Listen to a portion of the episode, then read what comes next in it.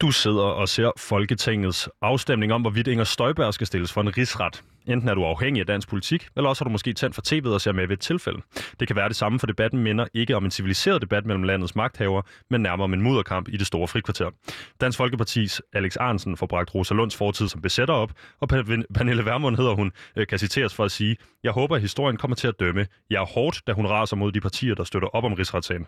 Hmm, tænker du. Er det egentlig sådan her, tonen altid har været dansk politik, eller er den spidset til på det seneste?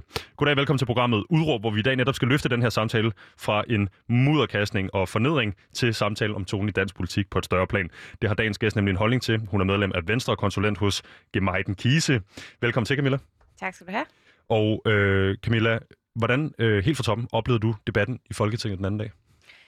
Jamen, øh, jeg plejer at sidde derhjemme, og, og nogle gange, især mens jeg arbejder hjemmefra, og se øh, Folketings-TV. Øhm, og det er jo totalt nørdet, men det er meget fedt nogle gange at finde ud af, hvad det er, der foregår øh, nede i Folketingssalen. Det er jo dig og mig, der har stemt folk ind, så er det også meget godt lige at, at holde dem lidt i ørerne en gang imellem. Og øh, det, jeg oplevede den anden dag under behandlingen af, af om Inger Støjberg skulle få en rigsret eller ej, var enormt ubehageligt. Altså, tonen var grov og personlig. Øhm, det handlede meget om at hænge hinanden ud, i stedet for egentlig at tale om det, der var sagens kerne. Øh, og det, øh, det skuffede mig på demokratiets vegne. Øh, så kom jeg til at skrive et, et, øh, et tweet om, at øh, de simpelthen bør hæve niveauet, fordi der er måske særligt den dag mange danskere, der sidder og følger med derhjemme. Og øh, undskyld mig, du skriver det tweet, øh, nu står du her. Øh, er du, øh, Camilla, en slags, øh, altså en politisk, jeg skulle til at kalde det junkie, men en politisk, øh, altså politisk afhængig? Ja, fuldstændig. Fuldstændig? Det er, ja, ja. Det er det første, jeg tænker på, når jeg vågner om morgenen, og det sidste, inden jeg går i seng. Så du kan måske være den rigtige til at øh, svare på spørgsmålet. Øh, hvordan øh, oplever øh, du generelt tonen i dansk politik så, øh, hvis vi kigger bort fra, øh, hvad der skete i forgårs? Jamen, den er egentlig øh, tosidig, fordi på den ene side så oplever jeg, at øh, politikerne inde på Christiansborg er gode venner på kryds og tværs og gode til at rose hinanden. Øhm, jeg lavede et, øh, et tweet på et tidspunkt, hvor jeg spurgte, hvem fra et andet parti vil du gerne øh, rose, hvis, hvis øh, du skulle. Og der var enormt mange, der var inde og anerkende en politisk modstander for det hårde arbejde eller øh, grundighed, eller hvad det måtte være. Så det er, sådan, det, det er det ene aspekt, og det ser vi sjældent, synes jeg, i offentligheden. Og så var der så det, vi oplevede her, hvor en meget værdiladet debat fik lov at gå hen og blive så betændt og så personlig. øh, og vi skal dybt ned i det her. Vi skal dybt ned i, hvordan du oplever det, hvordan du ser det. Øh, men lad mig øh, lige starte et andet sted, nemlig øh, ved at introducere mig selv lynhurtigt og programmet. For på den her side af pulten, der står jeg. Mit navn er Vitus Robak, og jeg er vært den næste times tid. Udråb er Danmarks eneste ungdomsholdnings øh, radioprogram, der giver en gæst en time til at folde sin holdning ud. Og det gør vi for at kunne komme rundt i alle krone og blotlægge alle nuancerne. Men Camilla, i dag så skal vi høre om dine holdninger til tonen i dansk politik, hvordan det påvirker resten af debatten, og hvad det i øvrigt betyder for det politiske arbejde, der foregår på borgen. Øhm, men vi opererer med et udråb her i programmet, øh, Camilla, og hvad er dit udråb i dag? Mit udråb er, at øh, danske politikere bør hæve niveauet for debatten. Og danske politikere bør hæve niveauet for debatten. Hvem har øh, ansvaret her? Er det øh, den individuelle politiker, der skal hanke op i sig selv og, og til at tale øh, mere ordentligt, eller skal vi mere systemisk til værks? Altså, det går faktisk hele vejen fra oven og ned. Det er både de danske politikere, der skal, øh, i hvert fald for nogens vedkommende, hæve øh, debatniveauet gevaldigt, men så er det også en, en presse, det vil sige dig og dine kollegaer, der skal overveje, hvad det er for nogle overskrifter, I render og laver. Altså, fordi de her mennesker er jo strateger, og de er hjernedødt gode til at gå ud og få kommunikeret et budskab. Og hvis man så sidder som journalist og, og går efter øh, det hurtige fix, en overskrift, som øh, kan give en gul bjælke, jamen så er du også øh, medvirkende øh, og ansvarlig for, at, at du regenererer den her form for retorik. Og så er der jo selvfølgelig mig selv, der klikker på de her artikler, og jeg er også øh, medansvarlig for. Hvis jeg ikke klikker på din artikel, så skriver du den ikke, og hvis du ikke skriver den, så kan det være, at politikerne sadler om. Så den går hele vejen oppefra og ned og ned fra og op. Det vil sige, når jeg stiller spørgsmålet om det er politikernes individuelle ansvar eller mere systemisk, så har jeg i virkeligheden min øh, store journalist skyklapper på, fordi jeg anerkender ikke, at jeg selvfølgelig også har en rolle som øh, medieperson, og øh, i øvrigt, som du siger, øh, forbrugeren har også en rolle selv, når de klikker Helt på... Klart. Okay, Helt klart. så den, er, den, den ligger ligesom øh, ude i, i, jeg skulle til at sige, fire kategorier. Øh, kan politikerne gøre noget selv? Jamen, det kan de godt. Altså, øhm, det kræver jo selvfølgelig et eller andet sted, der er et marked for, at man kommunikerer øh, øh, grundigere, der vil jeg gerne have lov at fremhæve sådan en som Mona Jul. Øhm, hun er kommet ind øh, relativt nylig og er jo øh, virkelig over, set over et bredt spektrum anerkendt for at være utrolig dygtig, meget jordnær og, og sådan det, man vil kalde godt gammeldags ordentlig øh, fra det konservative Folkeparti. Relativt i hvert fald for mig ukendt, før hun kom ind i Folketinget. Det vil jeg rigtig gerne se mere af. En, der sætter sig ned på sin mås, går tingene igennem, tager nogle møder, er lydhør, øh, er nærværende på de sociale medier. Altså, der er hun også knalddygtig. Jeg ved ikke, hvor hun har lært det fra, men det skal hun have en kæmpe gave for. Er det så, øh, hvis, hvis vi bruger hende som eksempel, altså en, der kommer ind og, og, og er med til at være ordentlig, er med til at kommunikere på, på ordentlig vis, øh, også på øh, internettet, øh, hvad, hvad gør vi så øh, ved, det, altså ved, det, øh, ved de politikere, der allerede sidder derinde? Er, er det for sent? Kan vi række ud til dem? Kan vi prøve at, at, at male, eller skal vi tilbage til det medierne, der har en større øh, del af ansvaret? Jamen, altså, jeg tror grundlæggende set, at man ikke skal øh, kvittere for den der form for retorik. Og jeg, jeg kunne godt mærke, når du så sidder som, som seer hjemme i stuerne, du kender til de, de politiske øh, dynamikker og den måde, man kommunikerer på, så kan man godt se, at de faktisk allerede, når de står på talerstolen, tænker i overskrifter. Og det er jo fordi, mens de er nede i Folketingssalen, så sidder der nogle akademiske medarbejdere op på partikontorerne og tænker i, hvordan kan det her blive et rigtig fedt klip, som vi kan lægge på de sociale medier. Og det er jo klart, der er jo så øh, kan man sige, en, en bølge nummer to af kommunikation, der så skyller øh, ud i dagligstuerne på det tidspunkt. For det er jo ikke alle, der sidder der og nørder det, ligesom mig. Øh, mange følger måske deres yndlingspolitikere på Facebook, eller øh, LinkedIn er også, øh, hvad skal man sige, støt stigende i... Øh, i politikere, der kommunik- øh, kommunikerer der. Og så vil de jo så kunne tage den der lille enkle bid, de har fra talerstolen, uden at se det i en større sammenhæng, og så få den klippet ned til deres hovedbudskaber, som bliver næsten sådan helt DM i debat-agtige, øh, og så smide dem ud på deres sociale medier. Okay, mm, hvis vi holder fast i øh, min antagelse fra starten af, at vi har øh, øh, medierne, det vi, øh, altså de fleste af os godt nok klar over i forvejen, øh, skal styre sig en lille smule, øh, øh, som jeg hørte dig sige det, øh, tolker en lille smule også. Men, og så har vi den private forbruger, der skal vide, at når de klikker på ting, så genererer det, øh, hvad hedder det omsætning for, for, den, for den medievirksomhed, øh, der har lagt det ud. Mm. Det vil sige, hvis du sidder og klikker på alle de her øh, Fie artikler på Ekstrabladet, så kan du bare godt regne med, at Ekstrabladet bliver ved med at skrive, skrive øh, Fie artikler. Så peger du på øh, øh, nye politiske øh, øh, spillere, der kommer ind og gør det på en anden måde. Øhm, men er det fuldstændig urealistisk, at man, at man på en eller anden måde skal lægge en slags altså noget lovgivning, eller en eller anden form for opfordring fra, det kunne være Folketingets formand, øh, som går ud og siger, skal styre I skal tale ordentligt. Det er ikke relevant, om Rosa Lund har været besætter i sin ungdom i den her øh, samtale om, om, om Inger Støjberg og Rigsretten.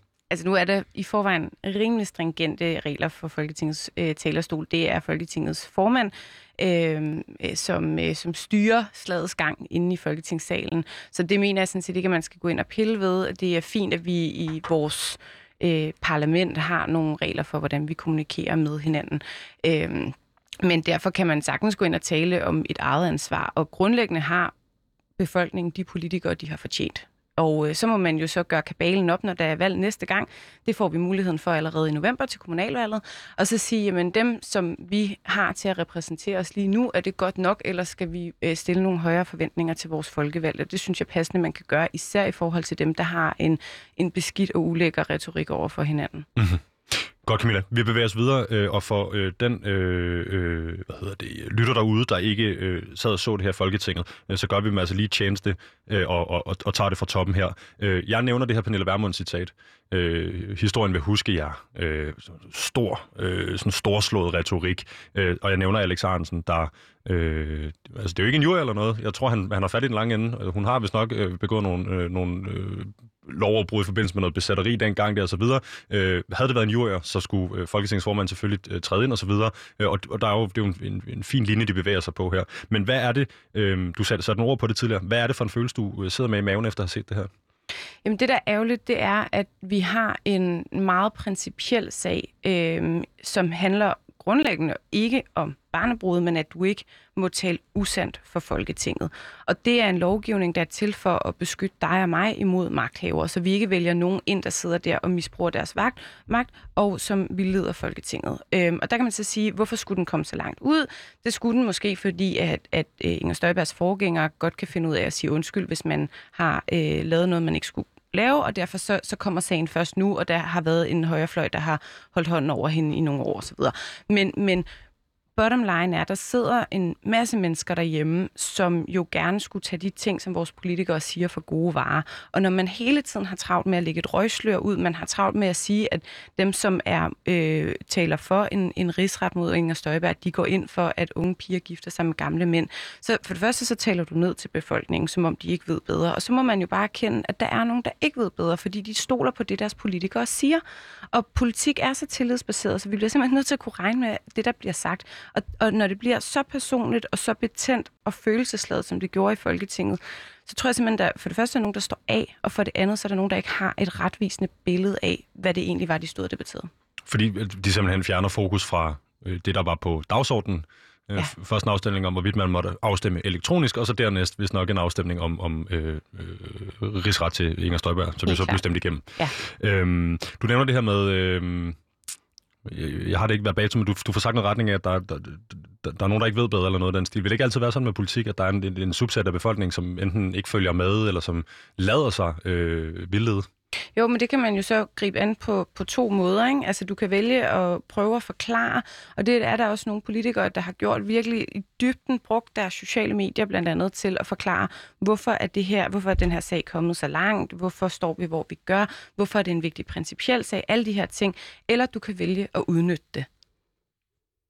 Og du føler, der bliver udnyttet her? Ja, det føler jeg, ja. Hvad hedder det? Du nævner også lige før det her med, at der bliver, øh, bliver brugt klip, altså der sidder nogle akademikere derude klar til, og det er sikkert forberedt på forhånd, øh, at, at, at, hvad hedder hun... Øh, Nyborgerlige øh, form, Pernille Vermund øh, har, har sikkert fået øh, hvad hedder det, aftale med de her øh, akademikertyper, øh, at hun skal sige, jeg håber, at historien kommer til at dømme jer hårdt, mm. fordi så kan du klippe det ud, du kan lægge det på Facebook, du kan, jeg, nu står jeg og læser det her citat og op for anden eller tredje gang i, i det her 12 minutter indtil videre langt program. Det fungerer jo, må vi sige. Jamen, det gør øh, det. Men, men, men øh, er, det, er det en, en, en, en slags øh, spin-strategi, øh, og, er, og er det i virkeligheden produktet af den her tone, at, at, at, at man ligesom får, får, får en politiker til at sige det så, så kort og kontant, som det kan gøres, men, men jo også, som du siger, øh, nogle gange lidt modbydeligt eller øh, øh, for personfixeret.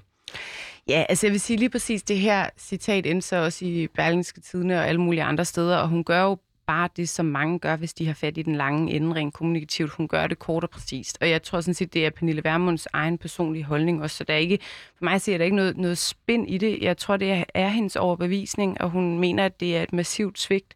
Øhm, på det værdipolitiske område. Men vi skal overveje om den måde, som der bliver kommunikeret på, hvor at man har øh, en ny tendens, jeg i øvrigt har lagt mærke til, det er, du har et opslag på øh, Facebook, for eksempel fra TV2, og så går der ingen tid, og så kommer politikerne med deres verificerede politikerprofiler med en øh, kommentar, og så går du ind, så kan du se en lignende, fordi danske medier kopierer hinanden, så kan du se, at Ekstrabladet også har den her samme øh, enslydende artikel, og så kommer den samme kommentar nedenunder os. Og fordi at profilerne er verificeret, så rykker de foran dig og mig, og så høvler de likes ind. Og det er jo en måde at komme i kontakt med vælgeren på, og især nu under corona, hvor man ikke må komme i kontakt ellers, og vælgermøder og what not, det er blevet aflyst. Ikke? Så, så det er jo sådan set kommunikativt en, en øh, spidsfindighed, som er øh, genial, men det gør bare, at det bliver øh, et, et hurtigt fix, en hurtig måde at få forenklet et politisk budskab på, i stedet for at sætte sig ned grundigt og forklare, hvad er det, det her drejer sig om. Okay, så øh, jeg hørte også egentlig et eller andet sted anerkende øh, det politiske øh, håndværk bag den her måde, og ligesom at overføre øh, vælgermøder til Facebook i en coronapandemi osv. Øh, men øh, jeg tænker også, det kunne være med til at forsimple debatten øh, ret voldsomt i virkeligheden, at, at, at det, du har arbejdet med, øh, er en politikers kommentar på en whatever, tre-fire sætninger eller mindre, øh, som så ligesom skal opsummere en eller anden stor problemstilling. Øh, det kan være øh, vagt formuleret, eller det kan være øh, tvetydigt, og så sidder der øh, en masse mennesker, som skal tolke det hjemme i deres stuer på deres værelser osv. Øh, og, og, og altså, det er selv sagt, det selvfølgelig ikke har den samme gennemslagskraft som en tale. Øhm, øh, men jeg tænker også, det, altså, som jeg siger her, der, der, der er for meget mulighed for, for skævvridning og, og, og fri fortolkning på de her ting. Eller hvad? Ja, det, det er der, og man skal i hvert fald... Altså, jeg synes, man, man skal bruge de øh, platforme og redskaber, som er stillet ind til rådighed, men man skal også gøre det med en respekt for, at der sidder nogle mennesker, hvis liv ikke er dedikeret til politik, og som ikke sidder og dykker dybt ned i hver enkelt sag, og der skal man simpelthen passe på med ikke, at det går så hurtigt, og man tænker så meget i overskrifter, at man kommer til at skævvride debatten. Mhm. Noget andet, nu nævner, øh, nu har vi snakket om øh, tonen i folketingsdebattet foregårs, øh, eller i folketingssalen foregårs. Øh, du nævner det her med, med, med Facebook og i øvrigt, hvad der er sådan nogle øh, kommunikative og spændagtige strategier, øh, som du ser det. Øh, hvad ser vi i øvrigt i, i, i, i dansk politik, når det kommer til den her tone? Altså, øh, er der andre ting, der foregår, eller foregår i debatindlæg og øh, whatever, hvor politikere ellers skal udtale sig for tiden, øh, hvor tonen er blevet for hård? Altså, der har jo været... Øh synes jeg, en meget hård tone også på, øh, på Twitter. Men jeg er også selv en, der fodrer ind til de her one-liners. Altså, nu må sige, du ringede til mig på baggrund af noget, jeg havde skrevet på min Twitter-profil, og jeg ved udmærket, hvad jeg laver, når jeg laver de der one-liners, fordi det er, i stedet for, at folk skal sidde og læse et helt tweet, og nu kan jeg ikke huske, hvor mange, hvor mange øh, tegn et tweet er på efterhånden, men det er jo ikke særlig langt, hvis man har lyst til at få lidt argument ud, vel? Øh, og det kunne man sagtens gøre, og alligevel ender det oftest med, one-liners, også for mit vedkommende. Så det er jo en, en teknik, der virker. Øh, nu er jeg så ikke valgt ind nogen steder og føler mig kun øh, hvad skal man sige, ansvarlig over for mig selv, men, men hvis jeg var, så tror jeg, at det vil være godt, at der også var en supplerende nu uddyber vi lige, hvorfor er det her vigtigt? Hvad er det, der ligger til grund for vores politiske beslutninger? Det mener jeg sådan set, at befolkningen har krav på at vide. Mhm. Camilla, inden vi hopper videre øh, til næste, øh, det næste, jeg gerne vil snakke med dig om, så kunne jeg godt lige tænke mig at høre dig. Øh, og du må lige give mig en rap over alderne, hvis det er forsøgt. Mm. Men jeg føler altså, et eller andet sted, så har øh, politikerne øh, et ansvar, også som autoriteter i et land. Altså simpelthen, øh, de sidder på øh, de øverste tænder af, af magten, så at sige. Det var en forklodet måde at sige det på, men øh, hvad betyder det for resten af samfundet, at, at, at retorikken er, som du siger, den er øh, i, i politik? Smitter det af? Øh, eller, eller bliver det i den her politiske sfære? Jeg tror, der er en meget stor del af befolkningen, som er dødtrætte af alt det snask og drama og øh, tilsvininger øh, til højre og venstre. Det tror jeg faktisk. Jeg tror, der er et marked for øh, den måske lidt langsommere, men gennemarbejdede retorik, hvor man forklarer, hvad er det, der er øh, opdragsgivende for det her lovforslag, eller hvorfor er det, det her virker, eller nu har vi lavet den her rapport. Jeg håber det i hvert fald. Men det, jeg tænker umiddelbart, det, det vil gå imod øh, de tendenser, jeg umiddelbart ser, nu er jeg jo ikke øh, øh, med, altså jeg er jo ikke andet mine egne øh, private analytiske briller, men at der jo, øh, jeg synes tingene bliver kortere og kortere. Jeg synes øh, øh, artiklerne på, øh, på både BT og der andre, der lever de her øh, clickbait-agtige øh, formater, øh, bliver så skarpvinklet, at jeg heller ikke kan lade være med at klikke. Altså, jeg skal sgu også vide, hvad der er sket med filausen og så videre, ikke? øhm, øh, er det, er det, ikke, er det ikke modsat? At, eller, altså, er, det, er det et marked for den, for den, for den borgerlige øh, herre fra Danmark, der sidder eller der holder øh, Berlingskerne et, eller Berlingske et eller andet sted ude i landet? Eller er det, er det også et marked for, for unge mennesker? Øh, altså... Nej, altså jeg tænker ikke, at herre fra Danmark skal holde sig for gode heller, fordi nu har jeg set nogle af de her kommentarspor, der er særligt øh, på de sociale medier, og Facebook er jo altså en tilsviningscontainer uden lige. Øh, og der kan man jo se især ond i forhold til rigsret, men også i forhold til MeToo. Altså det, der bliver skrevet i de her kommentarspor, det tenderer til trusler. Øhm, og når man kontakter medierne, kontakter værterne på et program, man selv har deltaget i, så er de sådan, Nå, ja, det kan vi jo ikke sidde og rydde op i. Hvor jeg tænker, hvem, helvede skulle så kunne gøre det. Altså, I ejer den her platform. I kommunikerer via jeres platform, og jeg er med på, at det giver reach og clicks, at der er en masse nederen kommentarer, men I bliver simpelthen nødt til at tage et ansvar, også for de gæster, der medvirker i jeres programmer. Mm-hmm. Camilla, det næste, jeg øh, vil bruge øh, ikke alt for lang tid på, godt nok, men det er lige at høre dig. Øh, kan du pege på et tidspunkt i dansk politik, hvor det her det går galt, eller hvor debatten ligesom bliver skæv, øh, skævvredet i, i, de, i den bølge af dårlig retorik, øh, vi er i nu? Nej, og jeg har faktisk tænkt over det, øh, siden vi snakkede sammen, at jeg kan ikke pege entydigt på, hvornår, men, men jeg tror, det er en... Øh, jeg tror, det er en tendens, der kommer på baggrund af flere faktorer. For det første, at medierne har et arbejdspres, som er meget øh, Øh, hårdt, og tingene skal gå tjept øh, I er i stor konkurrence med hinanden om at få øh, den største reach, og især når det kommer til gratisartikler, jamen så er det jo annoncekroner. Hvor kommer annoncekroner fra? De kommer fra, at du og jeg sidder og læser de her artikler. Ikke? Så selvfølgelig så, så betyder mediernes hastighed noget. Og så betyder det også noget, at der er mange om, øh, om budet. Altså meningsstander Danmark vokser jo øh, stødt, ellers ville jeg ikke stå her. Jeg har jo ikke valgt til noget som helst. Øh, så derfor så så er det min fornemmelse, at, at hele øh, tempoet og øh, kampen om spaltepladsen har en stor betydning. Og der må man bare sige, at de politikere, der bliver eksponeret mest, i lang høj grad bliver genvalgt. Øhm, og det er jo også en kampplads i sig selv, ikke? Hvis jeg siger, at jeg i hvert fald personligt oplevede en Øh, i hvert fald sådan følelsen af, at der lige var nogen, der tog den der skarpe retorik, og, og ofte i, i min artikel øvrigt også rimelig øh, fornedrende tone og så videre, og lige crankede den fra 10 til 11, så var det i forbindelse med det sidste folketingsvalg, og øh, Paludan og så videre. Øh, Nyborgerlige også i et eller andet øh, omfang. Der blev virkelig, altså lige pludselig var der mudderkast på fløjene, og øh, DF kunne godt se, og oh, der er vist nogen, der kommer her og sluger vores stemmer, de sluger på begge sider. Øh, den retorik var ikke for fin. Øh, al retorik rettet mod Rasmus Paludan var øh, ufin, om man er bag hans projekt eller ej. Øh, det gik også ud af Claus Riskær, selvom han ikke blev valgt ind. Øh, ham har øh, mange sikkert glemt igen. Øh, er, det, er det forkert? Altså, eller, øh, det, det er noget, jeg har oplevet, men er det, øh, er der, sker der et eller andet omkring det her folketingsvalg? Ja, men jeg tror, vi skal længere tilbage end det, fordi jeg var selv meget aktiv i Folketingsvalget i 2015, hvor det var Lars Lykke og Helle Thorning, der stillede op imod hinanden. Og øh, altså, der er der også et eller andet sted en mangel på en nedre grænse for, hvordan man kommunikerer. Det har jeg også selv medvirket til.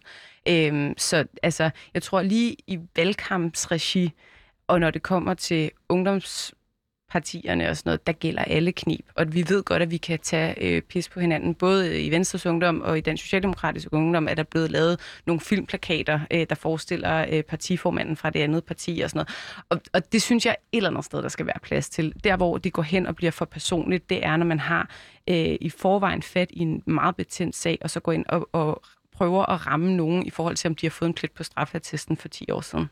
Hvornår har du selv været med til at øh, skubbe på den her øh, dårlige tone? Uh, i Folketingsvalget i 15. Kan vi blive konkrete? Det kan vi godt. Altså, øh, det var jo meget sådan en... Øh, øh, Lars har øh, øh, mødtes med, jeg ved ikke hvor mange erhvervsdrivende, og øh, løber hver morgen øh, ved Marienborg, og øh, Helle har løjet og løjet og løjet. Altså, så, så det var meget den, øh, den, der kørte. Så kan jeg huske, at øh, Venstre havde sådan et banner, der hang ned fra øh, et stort tårn, og jeg kan ikke huske, hvad det er for et tårn, men det er et tårn ude på Amager, men hvor, med et billede af Helle Thorning og en kæmpe lang næse, og med alle de løftebrud, hun havde lavet. Ikke? Og man kan sige, det er jo også beskidte knep, men det er for mig at se, når, når man er ude i valgkampe, så er det bare en, noget andet. Så kan vi, kan vi snakke om, at der er et, et, en, en tone, man bør opretholde øh, under øh, fredsdag, skulle jeg til at sige, og så ændre regler, spilreglerne sig måske en lille smule under en valgkamp, for eksempel? Ja, det tror jeg. Altså, du ser jo også, øh, når du øh, har fulgt øh, håndboldherrene, at de øh, brager ind i hinanden og råber og skriger på banen, men stadigvæk kan ønske hinanden god kamp efterfølgende. Ja. Og jeg tror, hvis man tog den kappe og lagde hen over dansk politik, så tror jeg, vi vil se et forbedret politisk kommunikativt billede. Fordi du føler, at der er masser af infights og, og fysiske dueller, men der mangler et, øh, et, et kram og et kys, skulle jeg til at sige Der bagefter. mangler et good game. Et good game. Ja. øh, Camilla, øhm, det var sådan set det, jeg vil lige, jeg vil, jeg vil lige prøve at, at, at, at, at stikke en sidste ting ind. Det er øh, rigsretssag, coronapandemi og øh, fraværende højrefløj i løbet af den her coronapandemi, som de var blevet udskilt for, i hvert fald i starten af, af pandemien. Øh, kan det ikke også være sådan nogle ting her? Altså en, en, en global krise, som skarper retorikken, mens vi ser en amerikansk præsident, som jo er mesteren af det i virkeligheden? Jo, og der, der mener jeg egentlig, at de danske partier skal have stor ros for, hvordan at de bakkede op om regeringen og de beslutninger, der blev truffet. Lige nu er der sådan lidt en, en debat om, øh, gjorde man for meget, lukkede man for meget ned, og man skal passe på med at være bagklog. Jeg mener, at befolkningen har krav på at finde ud af, hvad der lå til grund for beslutningen. Det har man altid. Men, men det der med at sidde efterfølgende og sige, så skulle du ikke have lukket caféerne og sådan noget, hold nu op. Altså, hvis man er, hvis man er øh, leder af et land, så må man træffe nogle beslutninger, og så må man evaluere bagefter.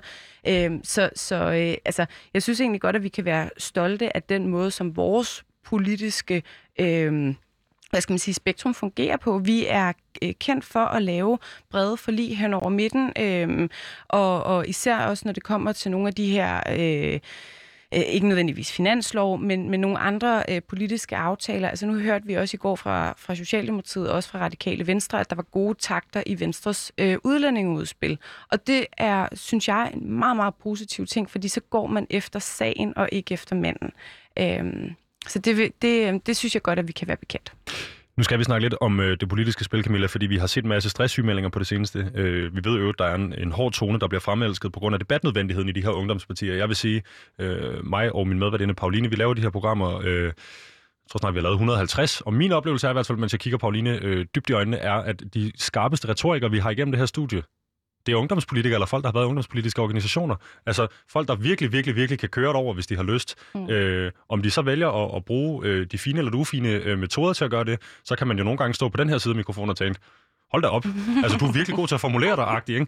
Øhm, og, de, og de unge, de er helt nede i 16-17 års alderen, og, og de er også 30 og, og så videre. Øhm, vi skal vende tilbage til det med stress, men opstår der en eller anden dynamik i de der ungdomspartier, hvor den, der er bedst til at, altså også i forlængelse med, øh, hvad hedder det, øhm, DM i debat og så videre, den, der er bedst til at debattere, den, der er bedst til ligesom lige at give dig en, øh, en, en, en verbal lussing, er også den, der ligesom er, er den fedeste i partiet? Altså, det er i hvert fald den, der får sine budskaber øh, bedst ud over rampen. Og der skal man jo huske på, at, at når du så kigger ind på Christiansborg og, og står der som ungdomspolitiker, så skal du gerne på en eller anden måde finde dig en, du ser op til. Og hvis den, du ser op til, er en, der bare kører med maskingeværet øh, sådan retorisk, jamen så, så vil det være noget, man skiller til og tænker, åh, oh, jeg kunne godt kunne godt tænke mig at være lidt på den her måde. Altså jeg tror, vi ser i, i radikal ungdom, at der er mange, der taler lidt ligesom Sofie Karsten Nielsen gør med lange pauser. Og, sådan, og, og, og jeg kan huske også øh, fra min egen VU-tid, at der var en del af de unge gutter, der talte ligesom Lars Løkke gjorde. Øh, simpelthen hele tonationen var den samme. Øh, så, så det er vigtigt, at vi har vores politiske forbilleder, men jeg tror, det er meget normalt, at man er øh, konkurrencemindet, når man er i ungdomspolitik, og du bliver tæskegod til at gå til eksamen og god til at debattere. Og jeg mener sådan set også, at der er plads til nuancerne. Altså nu har vi holdt et hav af debatkonkurrencer og sådan noget, også internt i Venstres Ungdom. Og, øh, og, og den feedback, man får, handler jo også om, at man formår at bygge et argument ordentligt op, at man er ordentlig over for sin øh, modstander og sådan noget. Så, øh, så den, den er ikke helt rigtig Okay, men jeg tænker nemlig, fordi øh, hvis nu jeg var på en arbejdsplads, hvor en del af mit arbejde bestod i, at jeg skulle diskutere med øh, satiredrengene, der går på efter os om kaffen, øh, hvad for en kaffe vi skulle have, eller jeg skulle øh, diskutere med morgenfladen, øh, whatever, og jeg hele tiden føler, at nu møder jeg på arbejde, og jeg er også lidt i krig. Det kan godt være, at jeg er i krig med øh, argumenter, der er over bæltestedet, men jeg skal hele tiden være øh, øh klar på at tage en, en, en kritik, eller der er nogen, der lige pludselig øh, på en eller anden måde udleverer mig. Øh, bidrager det til en eller anden, altså nu nævner jeg det her med, med, med mange stresssygemeldinger i Folketinget og mavesårssygemeldinger osv., øhm, spiller det her sammen? Altså har vi fået, har vi fået øh, fordi jeg hørte primært sige, at det, det er gode takter i de her ungdomspartier, du bliver god til at gå til eksamen, du bliver retorisk skarp osv., men, men, men, men, men kan det gå for langt? Kan det skabe en arbejdsplads inde på borgen, hvor, hvor folk måske er bange for ligesom at blive... Øh, savet over øh, i, i medierne eller andre politikere? Ja, altså det kan altid gå for langt, og, øh, og jeg har også øh, fået at vide fra flere, at de har meldt sig ud af ungdomspartier, simpelthen fordi, at det blev for hårdt. Øh, de har siddet måske og varetaget en eller anden post som, som kasserer eller et eller andet, og, og hvor at det viser sig, at øh, man går så meget efter manden og ikke efter bolden, at det, det til sidst ikke er det værd. Altså, og det oplevede jeg også selv, at, at fløjkrig i, øh, i Venstres Ungdom gjorde, at jeg ikke havde lyst til at stille op til forretningsudvalget. Så jeg har aldrig haft en eller anden. Jeg har været ordfører en gang, men jeg har aldrig haft en prominent post, fordi det gad jeg simpelthen ikke at bruge mit krudt på. Øh, så på den måde kan du godt risikere at slide nogen op på den Prøv, at sætte nogle flere ord på det, fordi jeg tænker, at slide en ungdomspolitiker op, så skal man fandme da stå tidligt op i hvert fald. Øh, det er unge mennesker, der jo først lige er gået i gang. ja. øh, hvad betyder det for dig selv? Nu siger du et, ikke en mere prominent post end et ordførerskab. Det er trods alt noget, må jeg sige. Mm. Øh, vælger ikke at gå videre, primært fordi man ikke gider blive øh, havlet ned? Eller, øhm... Ja, fordi jeg synes, jeg havde en fin platform at stå på, uden at jeg nødvendigvis skulle øh, øh vælge side og, og vælge en fløj, jeg vil repræsentere. Jeg vil gerne repræsentere mig selv og, og VU's holdninger, og så ligesom have lov til at passe mig selv, tror jeg. Øhm, og så er det jo sådan, at mange af dem, der ender med at sidde i forretningsudvalget og udgør formandskabet i VU, de har en politisk karriere foran sig, så det er en slags politikerfabrik. Men, men det her med, at det er øh, onde steder, og der begås øh, kun overgreb og dødstruk osv., det passer simpelthen ikke. Det tror jeg heller ikke, øh, det her program skulle øh, lyde alt for meget ned den stil. Nej, du nikker, eller hvad hedder det, ryster på hovedet. Øh, Camilla, øh, du sagde til os inden programmet, øh, Øhm, der er stadigvæk ordentlige politikere tilbage, men de får ikke skabt debat. Ja. Hvad, øh, eller hvorfor får de gode politikere ikke skabt debat? Oh. Du kalder dem gode politikere, Camilla, men du forstår, hvad jeg mener. ja, altså... jeg forstår hvad du mener. Jamen, det øh, tror jeg igen vender tilbage til, til det, jeg sagde før med, at det kræver også, at der er et marked for, at man sætter sig ned og læser noget meget grundigt. Altså, øhm, et medie, som jeg personligt enormt godt kan lide, er Zetland, fordi de formår at dykke ned i den politiske substans og, og formår virkelig at tale med mange forskellige kilder og, og sige, jamen, vi skal ikke nødvendigvis kunne sætte to streger under den her historie. Vi vil gerne belyse et øh, dilemma eller en samfundstendens, eller hvad det måtte være. Ikke? Og det, øh, det håber jeg, at der bliver et større marked for. øhm, hvis vi kigger på øh, en ting er den her politiker, der så ligesom øh, øh skriver den lange savlige tekst og får den udgivet i Zetland, eller i Berlingen, eller hvor end man nu måtte læse den.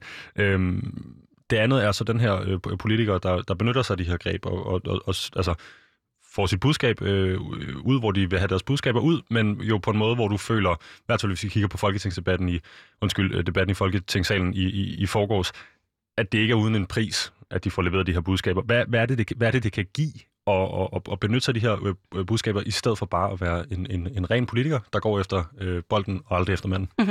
Jamen, det giver en mere polariseret debat, og det øh, tror jeg er et helt centralt øh, dilemma i hele den her diskussion, nemlig at det er ikke nødvendigvis altid enten eller, det kan godt være både og. Jeg savner at høre nogle politikere, som når de bliver inviteret ind et eller andet sted, og de siger, det ved jeg faktisk ikke er det okay at sige det i det her program, at det ved jeg ikke, og jeg er ikke ekspert på området, og du inviterede mig ind for at svare på A, og nu spørger du til B, og det er bare ikke mit, altså det er ikke min ekspertise.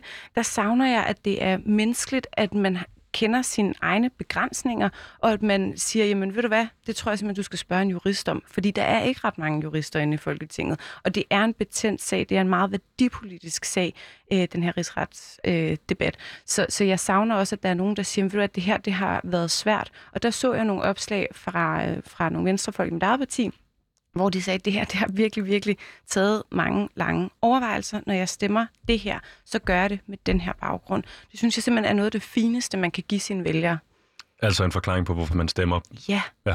Eller stemmer, som man gør selvfølgelig. Ja, præcis. Fordi vi stemmer en gang, ikke? og de sted sidder inde i Folketingssalen og stemmer øh, flere gange om ugen på lovforslag og hvad det måtte være. Ikke? Så kunne man, skulle man bruge noget mere øh, krudt på i medierne og gøre, altså give plads til forklaringer på, hvorfor øh, de repræsentative øh, øh, folketingspolitikere stemmer, som de gør. Ja, og, øh, og, og give noget mere taletid til at få lov til at uddybe nogle pointer. Altså fordi det, det handler meget om, og det er jo den der klassiske historiefortælling, ikke? vi skal have en held og en skurk, eller to øh, altså konflikt, klassisk nyhedskriterier. Ikke? Vi skal have nogen, der bliver uvenner og vil gå i kødet på hinanden og sådan noget. Ikke? Øhm, og i virkeligheden tror jeg, at det vil være godt for debatten, hvis der var noget mere plads til, at man kunne folde ud hver især, uden at tænke på, at der sidder en akademisk medarbejder og skal klippe en, så man får et mega fedt klip, som man kan smide på sine sociale medier. Mm. Hvad kommer det til at handle om det her? Altså kommer det til at handle, nu siger vi, vi bliver ved med at sige, øh, gå efter mand og ikke bolden omvendt. Øh, hvad kommer det til at handle om, når man benytter sig af den her retorik? Hvad bliver substansen? Hvad er det, jeg modtager som læser? Jamen, det bliver meget helt skurk øh, frem for den egentlige sag. det handler om, hvorvidt man kan lide Inger Støjberg, eller om man ikke kan lide Inger Støjberg. Øh, altså, personligt har jeg været meget glad for hende, øh, og hun var også en af dem, som jeg så op til, dengang jeg meldte mig ind i, øh, i VU, så det er jo selvfølgelig ærgerligt, at den er kommet hertil, men man bliver nødt til nogle gange at træde et skridt tilbage og så sige, at det er faktisk ikke hende, det handler om. Det er den rolle, hun har haft som minister, og ikke har varetaget til befolkningens bedste. Okay, og øh, hvis vi vender tilbage i starten af programmet, så siger du, der er også en eller anden form for... Øh, eller anden øh, del af befolkningen, som måske ikke følger så meget med, så de øh, store Støjbær-tilhængere for eksempel, så er de sikkert fuldt meget med på det seneste osv. Øh, du, du er enormt nuanceret på den måde, du udtrykker dig omkring det her. Er, er det forventeligt, altså, eller lad mig vente om, er det ikke lidt naivt at tro, at, at, at folk kan følge dit eksempel? Jo, men så, så vil jeg hellere være naiv og så håbe på, at der sker noget, øh, noget forandring for den her.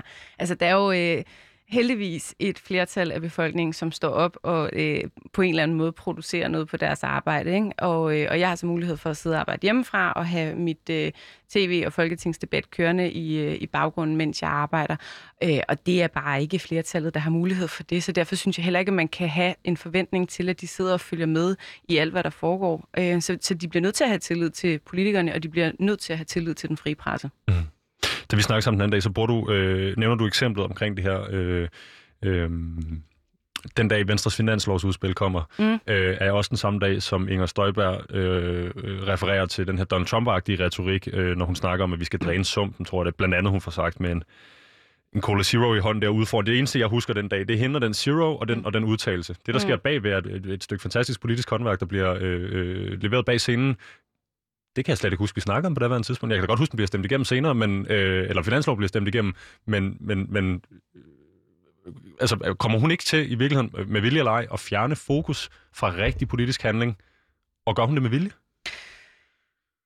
Jeg har svært ved at tro, at hun ikke gør det med vilje. Jeg har svært ved at tro, at hun ikke som en gavet politiker har tænkt i overskrifter og udmærket godt vidste, at det vil skabe en eller anden form for genklang. Og man skal huske på, at det, som er øh, Inger Støjbergs styrke, er også Venstres svaghed, nemlig at hun er, altså hun taler om splittelse mellem land og by og akademikere og, og faglært osv., ikke? Men, men den mest splittende i Venstre i meget, meget lang tid har været Inger Støjberg selv. Så hun har udmærket godt vidst, hvad det var, hun gjorde der. Da Venstre fremlægger sit finanslovsudspil, så er det jo et bud på, hvordan øh, hvad skal man sige, Danmarks statens øh, husholdningsbudget skal fordeles. Altså det vil sige, det har jo direkte indflydelse på, hvor mange kroner og øre går der til de ting, som vi har i vores hverdag. Øh, det er det vigtigste lov, øh, lovbehandlingsarbejde, der foregår overhovedet, det er finansloven. Og når Venstre så kommer med et udspil, så er det jo for at markere sig som en troværdig blå oppositionsleder til Mette Frederiksen. Og derfor er det et sindssygt vigtigt udspil. Og når du så heller ikke har et finansministerium, som, som Mette og Company har, til at sidde og regne de her ting igennem, men det er dine akademiske medarbejdere, der sidder i Venstre, så er det bare noget, der tager meget, meget lang tid, enormt ressourcekrævende. Du skal være sikker på, at de ting, du har prioriteret, det er noget, du kan stå på mål for. Ordførerne skal klædes på. Øh, Jakob Ellemann skal have medietræning. Alle de her ting og sager. Så det er bare meget omstændigt. Og når du så ikke får lov til at gå ud og tale reel politik, uden at du først over for journalisterne skal forholde dig til en splittelse i Venstre, så taler vi igen om personer og ikke om politik. Jeg tænker om lige nu, mens du så og forklarer det her, om, at Inger Støjberg altså enten må have en, en, en krystalkugle, og hun kan spå fremtiden, fordi hvis, altså, det hun jo kommer til at gøre, det er, at hun kommer til at øh, fjerne fokus fuldstændig, mens hun snor de danske medier om sin lillefinger øh, med det der Donald Trump-retorik. Øh, fjerne fokus fuldstændig fra det politiske arbejde, hendes bagland har lavet. Øh, og nu står hun så i en situation, hvor hun ikke er en del af, af partiet Venstre længere, og det kommer vi til lige om lidt, Camilla. Men øh, har hun set så langt ud i fremtiden? Eller øh, hvad er motivationen for at fjerne øh, fokus på den dag fra, fra øh, det her øh, oppositionsudspil? Jeg ved ikke, hvad hendes personlige motivation er, fordi hun må simpelthen have vidst, da hun stillede op som næstformand, at din primære rolle som næstformand, det er at sørge for, at der er øh, god stemning i øh, organisationen, sørge for, at der er god stemning i Venstres bagland, og så selvfølgelig lojal og bakke din partiformand op. Og der har vi bare igennem en længere periode haft en uheldig historik med et øh, som de kaldte det dengang, formandskab, som ikke kunne samarbejde. Så hun har udmærket godt vidst, at Jakob Ellemann kom ind, fordi at det tidligere formandskab ikke kunne finde ud af at samarbejde, og hendes primære rolle var at bakke formand op. Det har hun så systematisk gjort en dyd ud af ikke at gøre. Men hun kan sagtens være en fremragende retsordfører, og hun kan også sagtens være en fremragende integrationsminister, men hun har bare misforstået sin rolle i forhold til, hvad det vil sige at være næstformand. Og derfor så skal du have en mere øh, tilbagetrukket profil på, på den post, og Stefan Lose er et fremragende valg. Mm-hmm. Øh, og også en, hvor man øh, øh, kan, kan stole på, øh, på personen bag, så at sige. Altså, mm. der, der er jo ikke en, en, en, øh, en, en, en ungdomspolitiker hele vejen igennem, tværtimod. Øh, vi skal ikke snakke om Stefanie Lose noget videre nu, men, men øh, jeg får, jeg får da ikke helt til at sige, at hun har set i krystalkuglen, når hun var på vej ud af Venstre, derfor kunne hun lige så godt smadre det hele, eller smadre hele butikken på vej ud. Men, så vi har, altså, det er svært at anfægte folks motiver nogensinde, men vi har lidt svært ved at definere, hvordan, eller hvorfor, at hun går ud og fjerner fokus på den her måde, men hun ved i hvert fald, hvad hun laver. Ja. Okay. Øhm... Og så må man bare konstatere, at hendes kærlighed øh, til sig selv er større end hendes kærlighed er til Venstre. Og er det, øh, for lyst til at spørge, en, øh, det er vel aldrig en god lyd i et, øh, i et politisk parti? Nej, men det vil fungere fremragende som et tweet. Ja, eller hvis man er Thorsten Geil, for så er man sit eget parti. Hvad hedder det? Øh, nu har øh, Inger Støjberg forladt Venstre, hun har smækket med døren øh, øh, og udtalt til Skive Folkeblad. Øh, jeg må erkende, at jeg ikke har fået et ben til jorden i det Venstre, som Jakob Ellemann Jensen og den nuværende Venstreledelse på Christiansborg står for. Jeg mener, at Venstres ledelse med Jakob Ellemann Jensen i spidsen i høj fart er på vej væk fra de værdier, som jeg altid har kæmpet for, og som jeg også mener, at Venstre indtil nu har stået for. Øh, det siger hun som sagt til øh, Skive Folkeblad.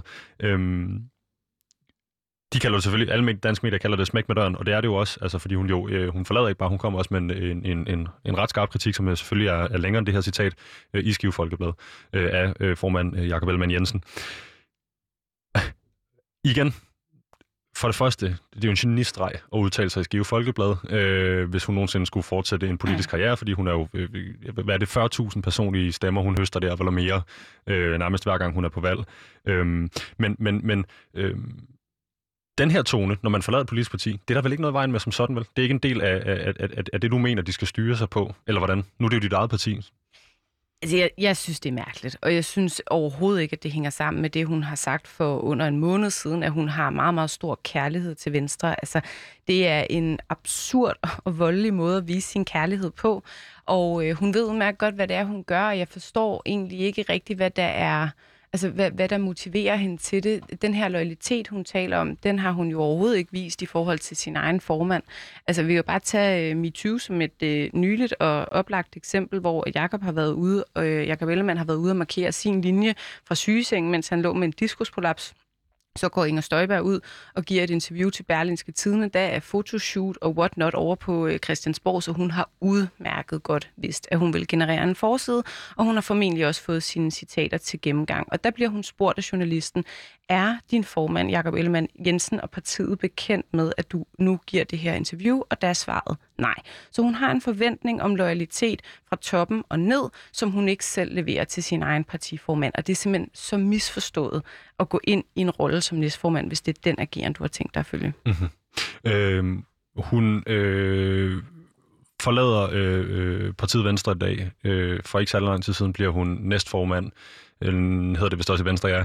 Mm. Øh, I ikke på næste for kvinde endnu, vel? Nej. Nej. Øhm, det så er, Vogue er vi ikke endnu. Nej, det er ikke SFU. øhm, hvad hedder det? Øh, øh, før det får hun en, en, en masse opmærksomhed på øh, øh den her øh, stramme øh, udlændingepolitik, hun ønsker at føre, og bliver brugt som en fantastisk politisk brik i det her spil.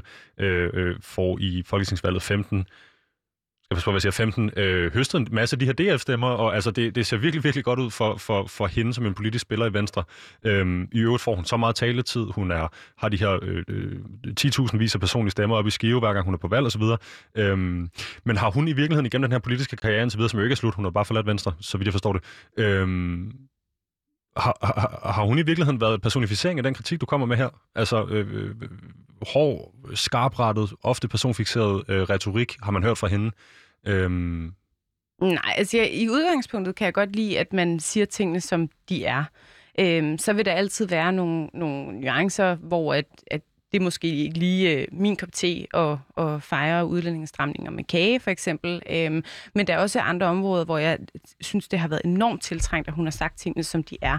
Og derfor vil jeg også ønske, at den Inger, som jeg kendte tilbage fra nu nævner du selv valget i 15, at hun var blevet i Venstre. Men med den konstellation, der er nu, og den historik, som partiet har, og den rolle, den nye rolle, som næstformanden skal have i Venstre, der er der altså ikke plads til hende i den rolle. Men det betyder ikke, at hun ikke sagtens vil kunne være en glimrende ordfører på flere øh, værdipolitiske områder. Jakob Ellemann har jo, øh, mens vi stod her i studiet, udtalt, øh, han mener ikke, at øh, Ingers exit har noget med øh, politik at gøre. Øhm, det kan man jo være enig eller uenig i den analyse. Hun mener i den grad, at det har noget med politik at gøre. Han mener ikke, at det har noget med politik at gøre. Han siger så her som svar, øh, jeg har været soldat for Danmark og været udsendt med Dannebro på skulderen og våben i hånd for at kæmpe for danske værdier. Øh, og det tror jeg på. Så jeg vil ikke høre tale om, at jeg ikke har kærlighed til Danmark, skriver han i et opslag på Facebook, som er et svar til en kommentar, hun har skrevet, med øh, han har manglende fædrelandskærlighed osv. Igen, er vi ikke inden for øh, den gode tone her? Jo, det, det mener jeg absolut. Altså, øh, jeg synes, at Jacob Ellemann har været så anstændig og så ordentlig og øh, altså grænseløst tålmodig med, med Inger Støjberg. Altså, mit temperament var løbet af med mig for lang tid siden, og derfor er jeg heller ikke partiformand nogen steder. Øh, men, men altså, hendes, nu tager jeg øh, jyderne som gissel, nu tager jeg landmændene som gissel, nu tager jeg strammerfløjen som gissel det dur ikke. Jeg mener, der er nu efter Inger er gået, og det er hele tiden et nyt tal, jeg mener, der er 41 medlemmer af, af Venstre i, øh, i Folketinget. Det kan jo ikke nytte noget, at hun mener, hun er den eneste garant for en ansvarlig og stram udlændingepolitik. Selvfølgelig er hun ikke det, men hun er helt klart den, der har øh, taget mest opmærksomhed.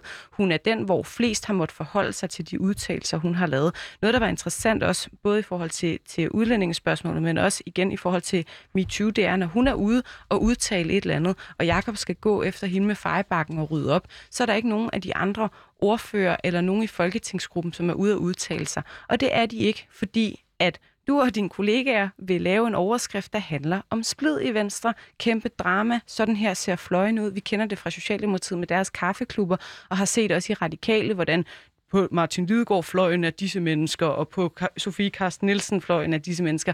Øhm, og sådan kan man igen blive ved med at generere en masse snask, og det har hun godt vidst. Så der er en disciplin fra resten af Folketingsgruppen, fordi de så gerne vil have lov til at tale politik, som hun har udnyttet øh, næsten til det ekstreme og Camilla, du laver jo øh, segwayen for mig her, fordi øh, det jeg godt kunne tænke mig at spørge dig om, inden vi hopper øh, lidt videre i programmet øh, øh, og, og snakker mere konkret, øh, hvad det betyder for øh, politik det her i de sidste 10 minutter, så vil jeg gerne lige spørge dig, vi har snakket om Jacob Ellemann som den her fromme, øh, øh, man kan sige passiv, du kan sige tålmodig, man kan sige øh, fraværende, man kan sige, men han har i hvert fald stillet sig tilbage. Du kommer med en, en, en, en øh, positiv kritik af ham tidligere og siger, øh, det er virkelig en ret fantastisk, at han som oppositionsleder under en corona-epidemi på daværende tidspunkt, øh, ikke går ud og, og, og, ligesom, og, og, og, og ødelægge de tiltag, der skal til, men i virkeligheden træde tilbage og lade, og lade statsministeren gøre det, der skal til i en krisesituation. Mm. Øh, og det forstår jeg sådan set godt. Men øh, ham har vi som den, øh, den lidt mere stille, den, den, måske mere politikeren med en plan. Og så har vi så hans, hans modstykke, der nu har forladt Venstre, Inger Støjberg, øh, som i mindre grad... Øh, det har været svært at se planen. Altså planen har handlet om stramninger mm-hmm. øh, for tilskuerne, også der ikke er en del af Venstre i hvert fald. Øh, og så har retorikken været rigtig skarp. Er de her to mennesker, ligesom øh, mod, modpol, modpolerne i, i den samtale, vi har haft her de sidste øh, 45 minutter? De fungerer i hvert fald ikke øh, som et øh, formandskab.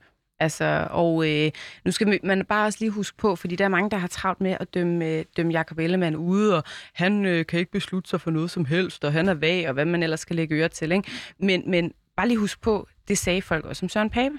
De sagde, at han havde ikke noget ideologisk projekt. Han dukkede op til møder med træsko på, og hvad han ellers skulle blive kritiseret for. Ikke? Øhm, så jeg synes lige, man skal have lov til at give ham en chance. Og jeg tror virkelig, han helt inde i maven har ville have, at det her med Inger Støjberg, det her samarbejde, har skulle fungere og har givet hende plads til også at finde sig til rette. Og det har hun bare udnyttet gang på gang. Jeg håber sådan, at vi ser ham folde sig ordentligt ud nu. Vi så det går med udlændingeudspillet, og jeg jublede som en, en lille pige første skoledag, da jeg så, at der rent faktisk var nogle venstreoverskrifter, som handlede om konkret politik. Det var dejligt forfriskende. Yes. Men Camilla, det er, også, øh, det er jo tilbage til det, du har sagt øh, i løbet af det her program, at, at øh, du, du nævner til at starte med øh, mere fyldskørende artikler, længere, altså længere skriv. Lad nu, lad nu for guds skyld vælgeren og, og, og, og læseren sætte sig ordentligt ind, ind i, hvad der bliver sagt. Lad os komme væk fra de her øh, 3-4 sætninger i, i, i kommentarsporet på Facebook til en øh, ekstrabladet artikel, eller hvad det nu måtte være. Øhm, så på mange måder tænker jeg, at øh, det, det er nok ikke øh, en overraskelse for hverken øh, mig, lytterne eller produceren derude, at, øh, at, at du holder fast i, i, i at han er en, er den altså en god form for politiker, men alligevel siger du, at han skal folde sig ud. Øh, kan man folde sig ud uden at tage del i det her spil, eller vil det, vil det komme til at... Øh, altså, jeg tænker, om det, om det vil klæde ham dårligt i virkeligheden, øh, og, og, og, og vende tonen og blive, og blive fjendsk, eller blive øh, tilbage til det, du kritiserer dansk politik for i overordnet. Øh, er, der, er der et space, for at stille dig et spørgsmål, mm-hmm. er der et space mellem den her hårde retoriske tone, og ikke at være til stede øh, i mediebilledet rigtigt, Ja, fordi du stiller det op som enten så er du vag, eller også så er du fjendsk. Altså, oppositionens aller, aller fornemmeste opgave, det er at være kritisk over for den til hver tid siddende regering. Og så er det selvfølgelig også at komme med nogle modbud på, okay, hvis vi ikke kan lide det, som iranere laver, den politik, I indfører, de prioriteringer, I laver, så viser vi jer, hvordan vi har tænkt os at gribe XYZ an. Øhm, og det er der, hvor at der kan du sagtens gå ind og sige, jamen det her det er bare ikke godt nok, eller vi vil prioritere anderledes, uden at du skal blive personlig i din retorik. Mm-hmm. Øh, jeg vil sige, at jeg står med Berlingske Barometeret her. I forrige uge var I bagud i forhold til konservativ. Nu er I foran igen. I hvert fald mm-hmm. følge det her. Så der, sker, der sker jo et eller andet. Det kan være Stefanie Lose, der har det kan være. Øh, trukket det i den rigtige retning. Og jeg læser Berlingske Tidene, så lad os stole på den, indtil målingerne går ned igen. øhm, Camilla, øh, det sidste, øh, jeg godt kunne tænke mig at, at snakke med dig om her, vi har blot 6,5 minutter tilbage, men det er, hvad det her, den her tone, den her retorik betyder for det faktiske politiske arbejde. Vi var lidt inde på det i forbindelse med finanslovsudspillet øh, i efteråret. Øh, men øh, når en sommerfugl basker med vingerne i Kina, øh, kan det udløse en tornado i USA, og øh, vi må antage, at det negative og personfixerede tone i dansk politik har en eller anden form for påvirkning på det faktiske politiske arbejde. Øh, er det en søgt antagelse? Flosker eller ej? Øhm, jeg tror, jeg vil vende tilbage til det, jeg sagde tidligere i programmet med, at det ved jeg faktisk ikke. Fordi jeg ved ikke nok om, hvor meget øh, krudt, der bliver brugt på at, at udforme de enkelte udspil, og hvordan udvalgsarbejdet foregår. Altså jeg ved, der er nogle politikere, som er helt utrolig engagerede, og som arbejder solen sort, og som altid svarer på alle deres mails. Igen, shout-out til Mona Jul. Øhm, og så er der nogen, som har lidt mere travlt med at få kliks og likes rundt omkring. Øhm, jeg, jeg tror ikke nødvendigvis, du kan lave den sondring, fordi det går meget stærkt, at folk så ikke er grundige i deres politiske arbejde, mm. men jeg tænker, at det efterladte indtryk måske kan tage skade. Så lad mig prøve med en ekstrem her. Mm-hmm. I øh, USA har man bygget et øh, politisk system op sådan, at hvis man vil have noget, øh, noget ordentlig politik igennem, så skal det igennem nogle kammer. Mm. Øh, mand med len, som han har døbt sig selv, Mitch McConnell, øh, hvad hedder det, senats majoritetslederen de sidste øh, øh, otte år i hvert fald, hvis ikke mere, øh, har jo, øh, er jo kendt for ligesom at slagte al lovgivning, der kommer igennem ham, hvis altså det er demokraterne, der har foreslået det. Øh, det her kommer rigtig meget til at handle, for at vende tilbage til det her øh, udtryk, rigtig meget om bolden. Undskyld, rigtig meget mand, rigtig lidt om bolden. Mm. Så jeg tænker på, i, i dansk politisk system, hvor at, at, at, at de, de, de store politiske dagsordner kan blive, øh, eller nogle gange øh, bliver øh, hvad hedder det, indgået over midten, så har du vel brug for at fjerne al fokus på, på manden og virkelig, virkelig holde øjnene på bolden. Og så længe man er øh, øh, uvenner eller i Twitter-krig, eller mm-hmm. øh, øh, jeg tror det er Sikander Siddiq og, øh, Siddiq og øh, Lars Aslan lige nu, der også kører en, noget med nogle debatindlæg. Jeg har ikke helt fuldt med i det, men altså, hvor man bare tænker, har man lyst til at gå ud og svine hinanden til på Twitter, og så lave øh, politiske aftaler dagen efter? Formentlig ikke. Øhm, og det er jo selvfølgelig det ærgerlige, og jeg, jeg tænker, at altså, dansk politik har aldrig været mere spændende, end det er nu. Vi har øh, historisk mange løsgængere i Folketinget, og hele tiden bliver der spekuleret i, hvad bliver så deres næste projekt. Ikke? Det kan man se både med Jens Rode og med Lars Løkke og Simon Emil Amensbøl, og nu også med Inger Støjberg. Det er markante profiler, som mener, at de nærmest er bærende for et helt partis politik. Det skal vi holde meget øje med, fordi det kommer til at, at skubbe ved, ved magtbalancen. Noget af det, som bliver diskuteret enormt meget lige nu, på Twitter i hvert fald, det er offentlighedsloven, som blev indført øh, under den øh, tidligere røde regering, og øh, med stor protest i hvert fald fra, fra flere af de meget liberale øh, ungdomspartier, lagde jeg mærke til. Og, og hver eneste gang, der er nogen, der går ud og bliver løsgænger, så piller de faktisk ved magtbalancen i dansk politik. Det synes jeg er utrolig interessant, og jeg håber, der er nogle vold, øh, valgforskere, der dykker dybt ned i det her. Det skal i hvert fald være øh, ikke bare skud til Mone Jul, men også til valgforskerne, der gerne må øh, kigge på det her, hvis det står til Camilla Sø eller mærket. Mm. Øhm, vi snakkede tidligere om det her med retorikken øh, som et virkemiddel for at få, øh, øh, for at få tid, øh, taletid i medierne og skabe noget larm. Øhm, jeg får dig ikke til at sige, at den her retorik og den her øh, dårlige tone, øh, det spænder decideret ben for, for det politiske arbejde. Øhm, men vi kan godt blive enige om, at der, altså, på et menneskeligt plan, jeg tror, det spænder ben for det efterladte indtryk. Altså, okay, ja. øh, jeg, jeg tror, det spænder ben for, hvad det er for en oplevelse, du og jeg har af det politiske arbejde. Og jeg tror, med mindre man sidder virkelig og nørder igennem, vil man have et indtryk af, nu der er mange, der bruger ordet øh, børnehave om, om Christiansborg. Det synes jeg jo simpelthen er så ærgerligt, når der er så mange dedikerede mennesker, der går på arbejde derinde hver eneste dag for at ændre noget i samfundet. Altså, øh, og, og jeg plejer tit at sige, at det at være politiker er både det mest egoistiske, men også det mest selvopoffrende, du kan gøre, fordi du er allemands eje, og selv dem, der ikke har stemt på dig, de forholder sig stadigvæk kritisk til det, du laver, og du er på 24-7. Ikke? Og det er også altså, tilbage til det her med, at der er øh, flere politikere, der går ned med stress, så det, altså, arbejdspresset er massivt i forhold til, hvad du får ud af det. Du vil have det meget federe, meget mere chill i det private erhvervsliv. Og det ved de godt derinde. Så de gør det selvfølgelig, fordi der er en dedikation. Og der er det ærgerligt, når man så ser, at noget af det her meget gennemarbejdet politiske håndværk går hen og bliver til en lynhurtig overskrift, og så er det væk igen. Fordi det, har, det er jo det, der har påvirkning på dig og mig. Det er ikke, hvordan de står og taler på talerstolen. Camilla, hvordan løser vi det her? Nå, jamen først og fremmest så øh, klikker jeg på nogle flere artikler, som er gennemarbejdet og nuanceret du gør dig lidt umage med at få øh, indhentet flere kilder til din historie og siger det samme til dine kollegaer, og så øh, kniver de ballerne sammen inde på Christiansborg og taler pænt til hinanden. Jeg kalder det i min øh, introspeak her. Skal lige se, om jeg kan finde den. øh, mudderkamp i det store fritkvarter. Bidrager jeg så til den retorik, som du kalder, hvis man kalder øh, borgen en børnehave? Ja. Eller, eller må jeg godt være lidt spidsfindig og, øh, og prøve at høste et lille, et lille grin hos min lytter? Eller skal, ja, det skal må, væk for det? Nej, det må du godt, men du skal bare også tage konsekvensen af det, ikke? og vide, hvad det er for nogle ting, så du sætter gang i, og så tage, tage et ansvar for, at der sidder nogen derude og lytter til de ting, du siger. Okay, og så bruger du i løbet af det her program, vi har brugt en uh, Mona Jul som uh, det gode eksempel. Mm. Uh, hvor er det, hvis man ikke er politisk, uh, jeg synes, det er hårdt at kalde en politisk junkie, men politisk afhængig, kan, kan man gå ind og finde ud af, uh, hvis man har lyttet til det her program og tænker, okay, det er så Camilla Søs bud på en, der kan finde ud af at forvalte sin politiske uh, stilling ordentligt. Mm. Kan finde dem på Instagram, kan finde dem på LinkedIn, Facebook? Uh, Altså, øh, Mona Jul kan du følge både på øh, Twitter og på LinkedIn og på Facebook, og jeg har stadigvæk til gode, tror jeg, at følge hende på Instagram. Der skal man til gengæld følge Pia Kærsgaard, fordi der er hun simpelthen så nice og underholdende, og øh, ja, der, der er meget karisma over Pia Kærsgaard på Instagram. Okay, men øh, og lige fordi vi har 30 sekunder, Camilla, øh, du kommer med en kritik af tone i dansk politik. Øh, I min virkelighed, i min opvækst, der er det hende, der er flagbærer, øh, skulle jeg sige, på det projekt med at, med at kaste med mudder. Har hun lagt det bag sig? Eller er Nej. det bare, fordi det er god underholdningsværdi? Det, det har, hun har bestemt ikke lagt det bag sig. Nej, men, øh, men derfor kan hun stadigvæk godt være hyggelig øh, Men- på andre platforme. Men bliver det så en, op, en opfordring til at, at, at lade mudderkastning fortsætte, eller er det fordi, hun har den plads i dansk politik, hun har, og vi godt alle sammen lidt kan grine af det? Nej, hun kommunikerer ikke sådan på, på sin øh, Instagram-profil. Helt sikkert. Camilla, vi løber tør for tid. Jeg vil sige tusind tak, fordi du kom. Tak fordi jeg måtte. Og til lytterne derude, du har lyttet til Udråb med mig, Vitus Robak her på Loud.